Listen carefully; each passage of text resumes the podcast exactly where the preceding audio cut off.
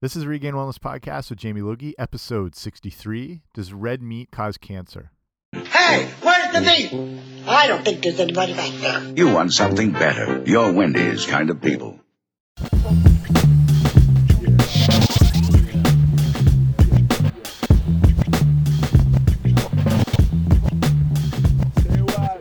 Hey guys, what's happening? Welcome back to the podcast. I'm Jamie Logie. I run regainwellness.com, and this is a Regain Wellness podcast. And today I'm doing something I don't normally do, but just because this is kind of a hot topic issue, as most people like, if you're following anything related to nutrition, or even if you're not, everything in the paper and websites and media about the reports from the World Health Organization and the direct link with um, red meat and processed meats or unprocessed meats with causing cancer. And a lot of people jumped on that. So I wrote a blog on this just a few days ago, and I don't normally do a podcast that's directly related to the same information, but not everyone reads blogs all the time. So I thought I'd just put this episode up. Um, as opposed to waiting for a while, just in case people weren't able to see it in that form. You can at least listen to it and listen to me. So this is a whole kerfuffle, and I'll try and break down a lot of what the real information is saying, and a lot of people who are um, a lot smarter than me in all things nutrition and health have weighed in and have um, sort of revealed the poorly drawn conclusions that come from studies like this, and the, the fact that a lot of people bandwagon jumping and just seeing these headlines, throwing them up, and not really looking more into it. So a lot of what I'll be talking about, I've referenced in the blog, but you can can join me for this audio version of it. So before we get to that, what else is happening? Um, this week was the October 21st, 2015 date reflected in Back to the Future 2, which I've been waiting for forever, and it was an amazing day. And then we passed October 26th, which is the real first day that Doc Brown travels to before he goes back to get Marty to go back to stop their kids from doing the whole thing. So that was a good time. If you're in Canada, the Blue Jays finally bowed out in game six against the Kansas City Royals, and it was a good run. They really got the country behind them, which is different this year because uh, the last time when Blue Jays won the World Series in two, well, sorry, 1993 they you know the Montreal Expos were around. They weren't the only real team in Canada, and now they kind of taken on the persona of the like Canadian baseball team because they are, and they actually have a few Canadians on their team. So it was a good run, exciting. Everyone was behind it. Um, I don't know. You still can't leave a guy on third. The, sorry, you can't leave the tying run on third with no out and the potential winning run on second with no outs either. But that happens. That comes with experience. So good luck to the KC Royals and the Mets. Um, the last, first game was last night. What did that go? 14 innings, the longest um, postseason, sorry, postseason game in history. That was what was it? Five hours, 15 minutes. I watched the whole thing after hockey. Taped it, came back, saw it. So I'm a trooper, even though I have no allegiance to these teams. Okay, so that's it for me. Let's dive in to this whole beef meat World Health Organization issue. So if you're on Twitter and you saw the hashtag free bacon over the last few days, that wasn't giving away free bacon. That was talking about like free the bacon as bacon came under the wrath of all this um, announcement that the World Health Organization had found evidence that processed meats and beef, red meat can cause cancer. So, like I was saying at the top of the show, it seems everyone's like, okay, that's case closed. Meets the devil. Let's move on and see what else is happening. What are the Kardashians doing this week? But it's not really that simple and really want to look at everything that went into this report and the issue. Um starting off like obviously like processed meats probably not something you'd want in your diet. Like if it's got the name jerky attached to it it's probably not the best thing. Hot dogs i mean it makes sense that you know you have no idea what's going into these things. A hot a hot dog is kind of like a frankenstein creation. Um longly like salted smoked meats so, like depending on the process like we're learning more about the the um, production that goes into meats and the preparation process um, as far as things like smoking and high temperature heats revealing like that can do not just to beef it can do a lot of damage to the food and kill a lot of nutrients and create like a lot of carcinogens in those foods. You know even like say healthy foods like say olive oil awesome stuff obviously but if it is heated too high, it can actually degrade and break down and then cause you some health problems. So you can see like the uh, the preparation of the foods is just as important as the actual foods themselves. So with the whole red meat cancer issue, like I don't I didn't see a single health related website that wasn't all over this whole thing and people are quick to jump, you know, anti beef people and nothing as vegetarians or anything like that, but people are looking for this reason to say don't eat any meats, any beefs, whatever. We're jumping all over it without really looking into the issue and and the past history and studies that also go behind this whole thing. So the first when we're looking at the whole idea that these um, they've grouped all these things in together to say they've caused cancer is a little misleading because what the first off it's not the World Health Organization doing these studies it's the International Agency for Research on Cancer and in the report what they're trying to they're trying to identify what carcinogens exist around us and they reviewed 900 different agents to see if they're cancer causing so I mean that can be anything from you know household cleaners to air fresheners to certain foods to car exhaust, like whatever. So they, they're looking at 900 different agents. Out of those 900 agents, only one was not shown to be carcinogenic, which is pretty crazy. So in that list, though, when they're ranking things that you know they say may cause cancer, probably these very vague terms on those lists, like on that list with you know the 900 different cancer-causing agents, things like coffee and wine are in there too, which you know a lot of people that's a staple in their diets um, and there are known health benefits to coffee and wine as well. So you know a lot of that wasn't reported on as just the quick attack over meat. I think red meat is a is a good bad pun but the best scapegoat for everyone's nutritional woes. It's just an easy way to to attack it. So um they're saying in these studies like you know the, the 900 different agents that you know some of the things may cause cancer and if they do they're more likely to come from you know maybe the salted or cured meats and bologna and weird things like that. The IRA, IARC doesn't really say what type of red meat it's linking with cancer along with not mentioning how much of that could be the issue or even the magnitude of that issue.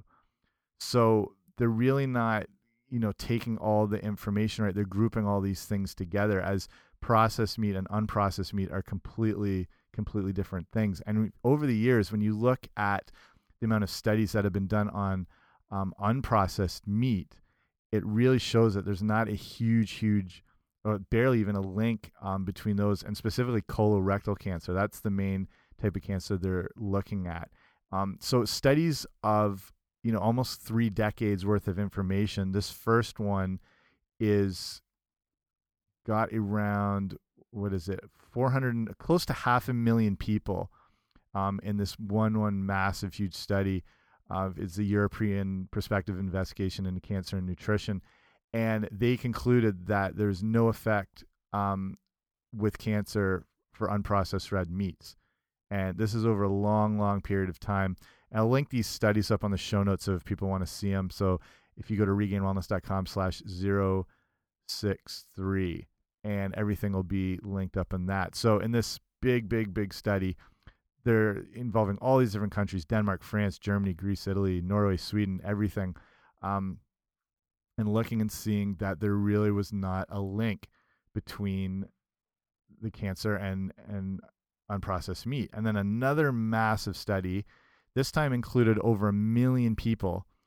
And they were saying at this point that, again, that there was such a small incidence of cancer that they consider it not um, statistically significant, which is very important to to point out.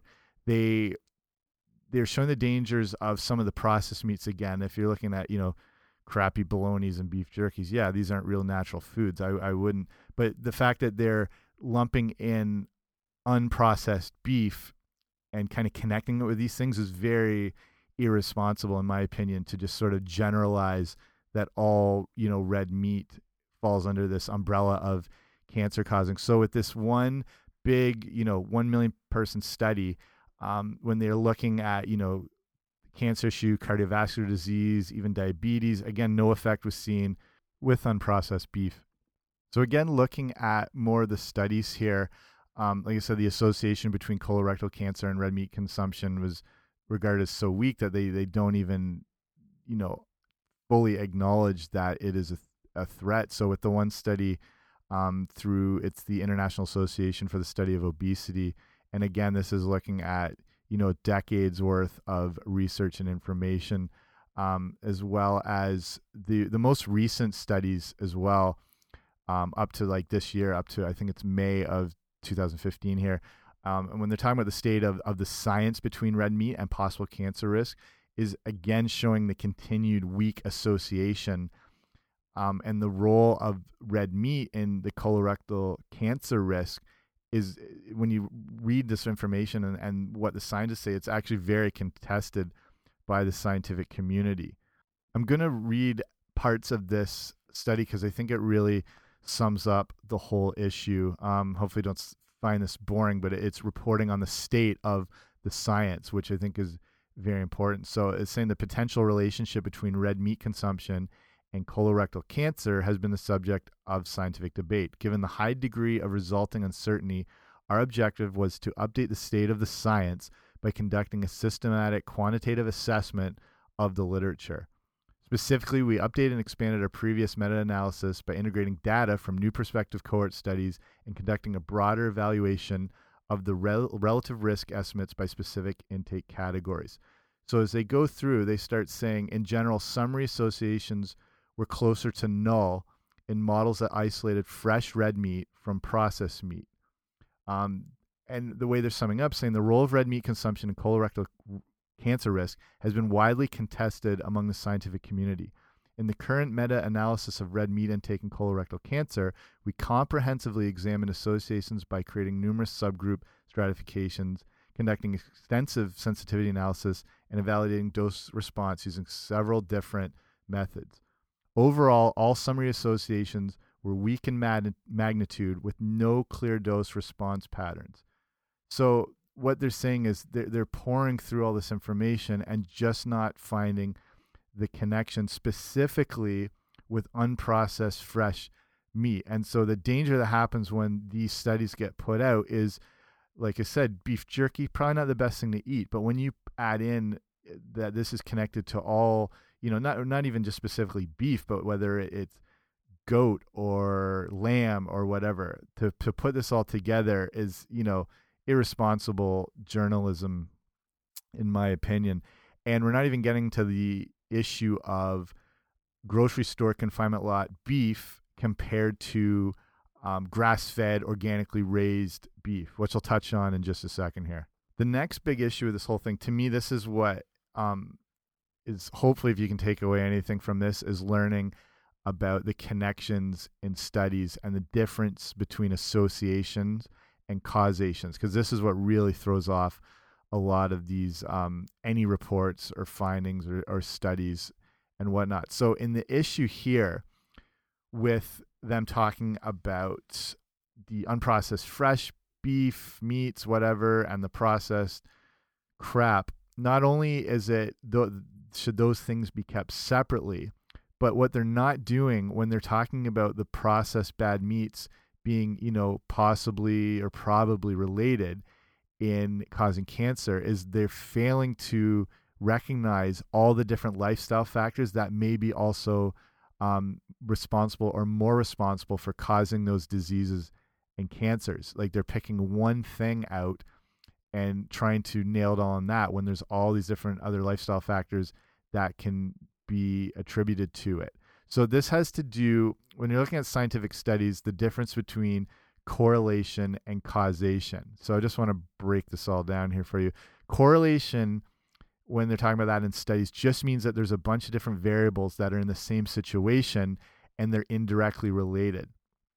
So causation means something is directly caused something else to happen. Just in a simple example, it's like um, kicking a soccer ball, right? Like the action of your foot going back is cause the ball to fly. You're directly kicking it. Whereas correlation is just um, a bunch of these different things, and they can can maybe you know draw these different maps out and connect the dots and find these different examples. So probably an easy way to explain this, how a lot of studies focus on correlation, is there are actual studies, and I'll link this one up too, that higher ice cream sales lead to more murder.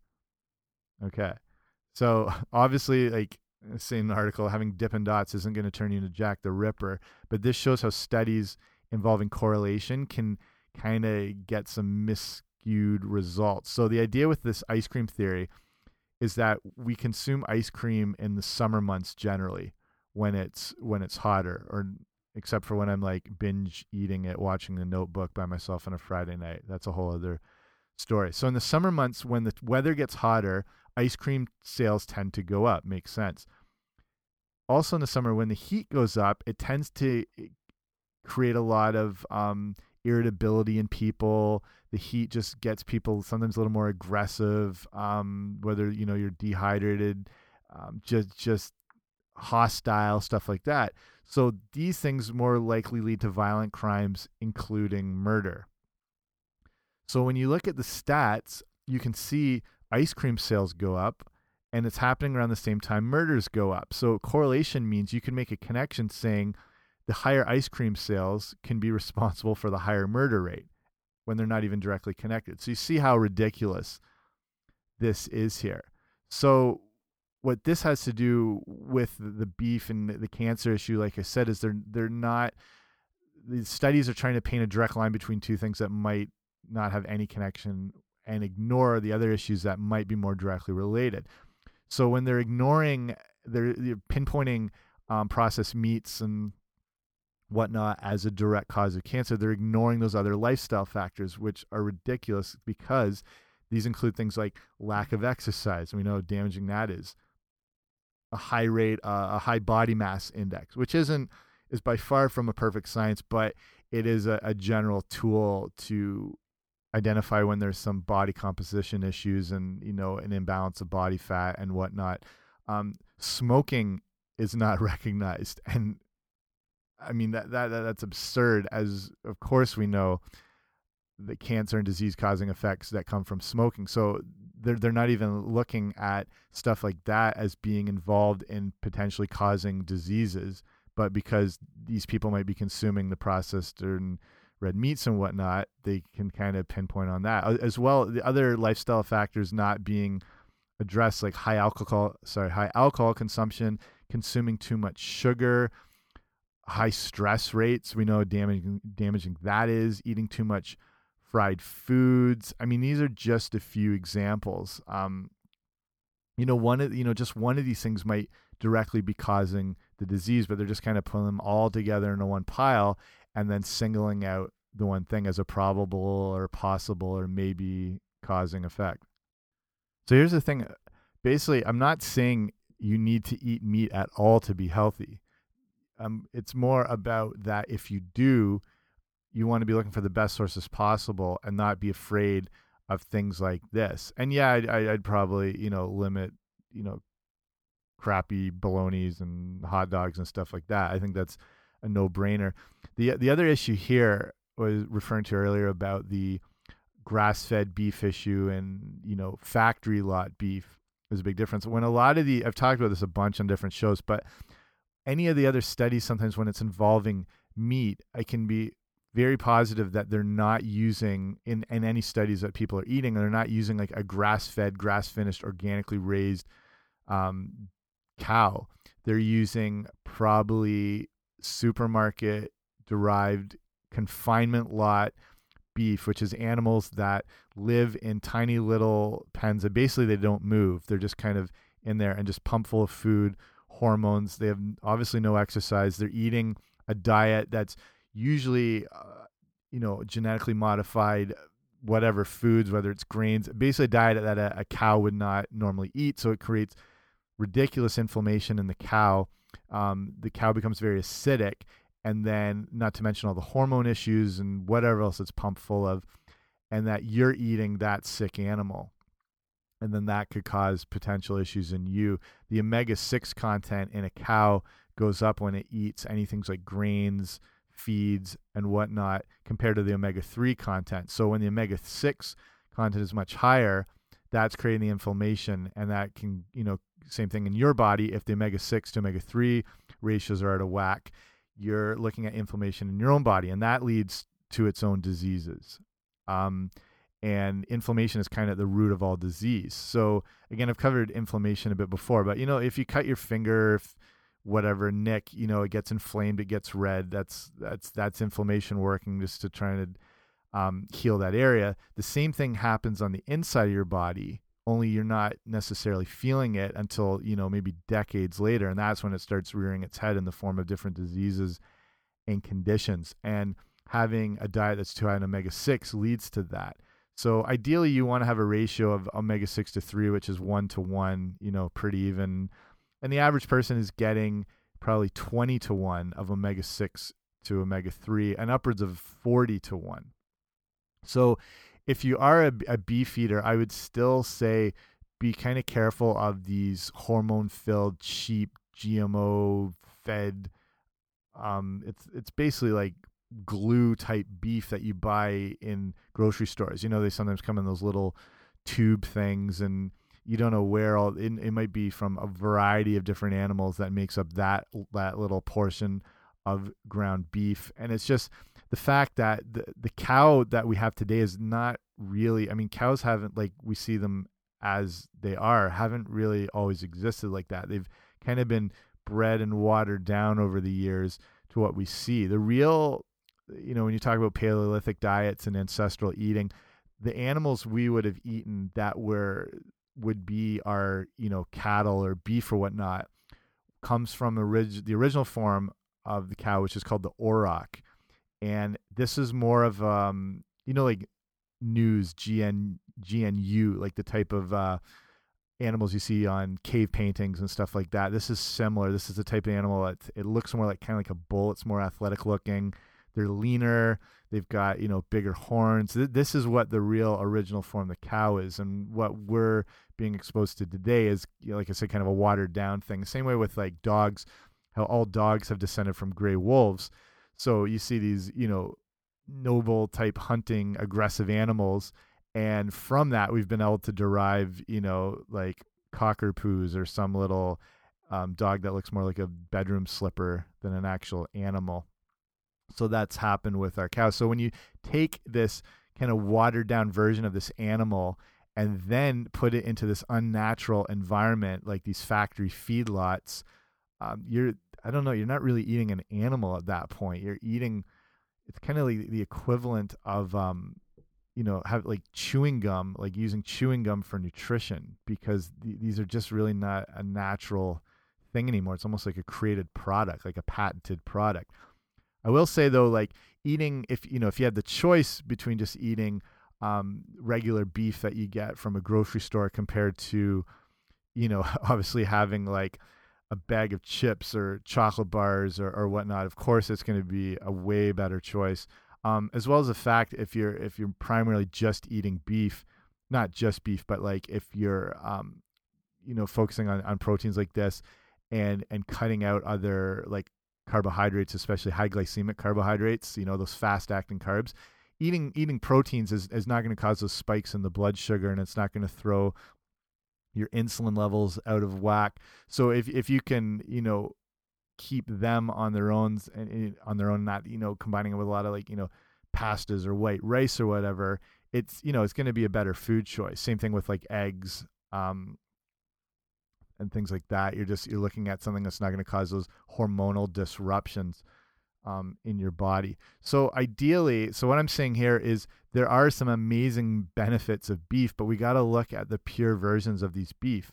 So like I said, the cow's not exactly what it used to be, but as long as we can find the cleanest version of that animal or that source, you're going to be in a bit better shape. So with you know even with the cow this isn't even just limited to the cows like whether it's sheep goats moose deer you know whatever when you can have the natural form of this animal when they're raised in a you know humane way where they're allowed to roam they're allowed to live normally when they're focused on grass fed um, grass feeding as well as grass finish which means they have they eat grass all the way through their lives where some grass fed um, products in like big chain stores, whether sometimes it's like in places like Whole Foods or whatnot, they will have animals that they'll they'll say are grass fed, but the last 30 to 60 days they'll finish them on some grains, and that you know gives them a little more fat. It increases their weight and increases like you know sort of the marbling within the meat, um, but it it can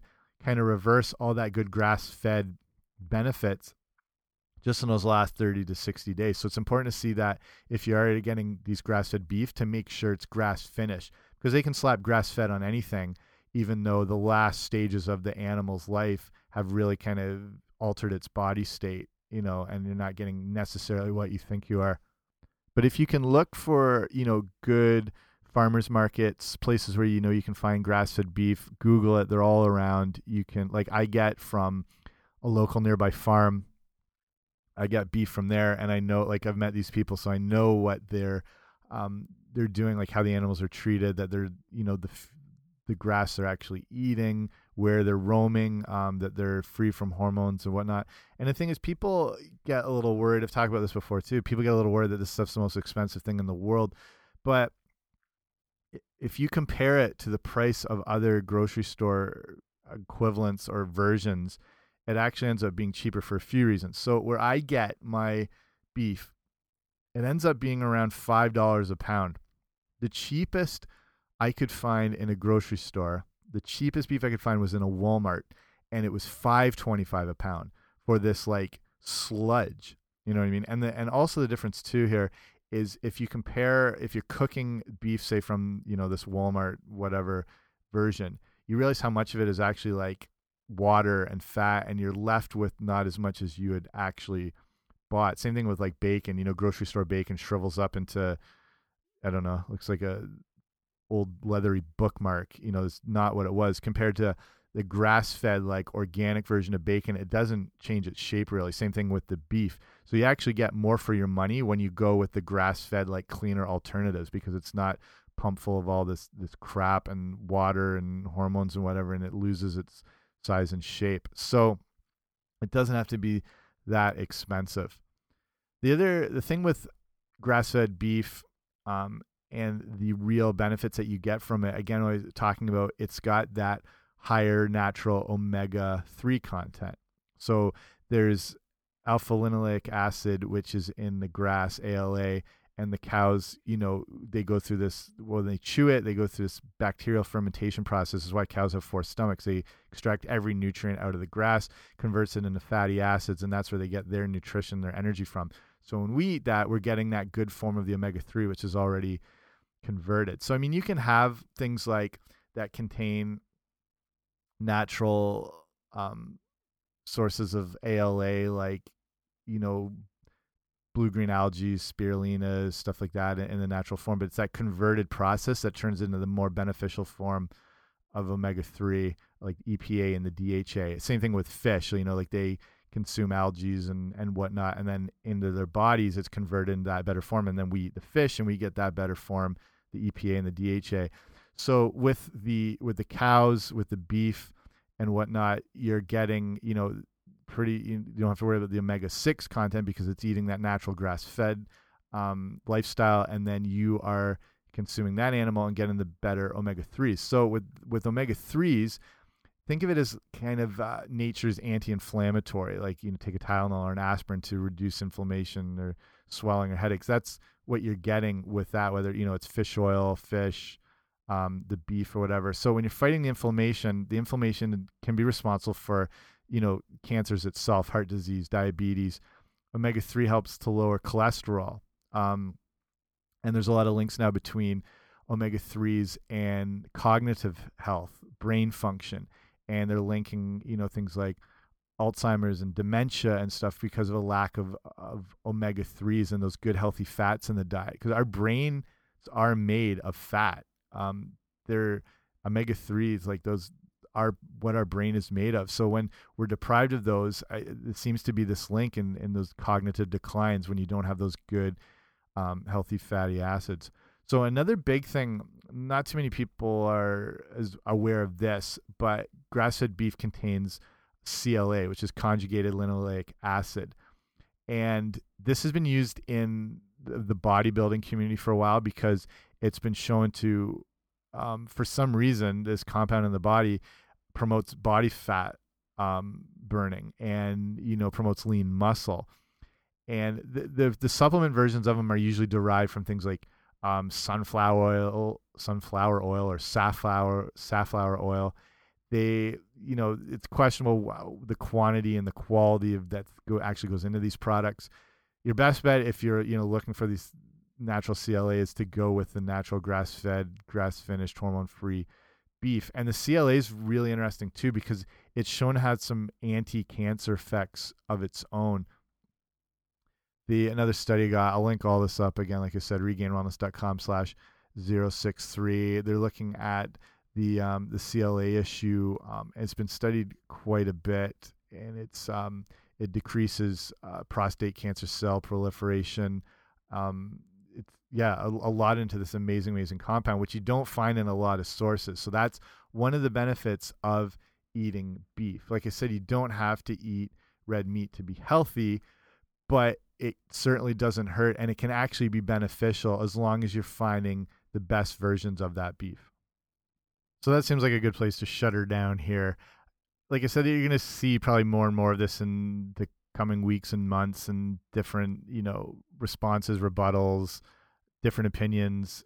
Keep looking for the people that I, I think are the, the best sources for stuff like this. Like, look, Nora Gedgaudas, Chris Kresser, Robb Wolf, uh, Monica Reinagel, all these like nutrition experts that really have their you know finger on the pulse of of everything that's happening, and they look deeper into anything that comes out, the studies, as opposed to you know they're not going to be people that are irresponsibly just throwing up a headline, which you know media publications, websites, whatever. It's just it's a quick way for engagement. Um, anything that's relatively controversial. That's why gluten appears all the time. It's a, a hot button topic. Beef always has been. It's, it seems like it always will be. It's just the battle over beef, which will seem to never never go away. So hopefully from this you learn how to look at you know different releases and studies and and reports. Um, and then hopefully you'll you'll look into them deeper and you'll get as much information as you can on that issue so you can be as educated as possible and then you can make the best decisions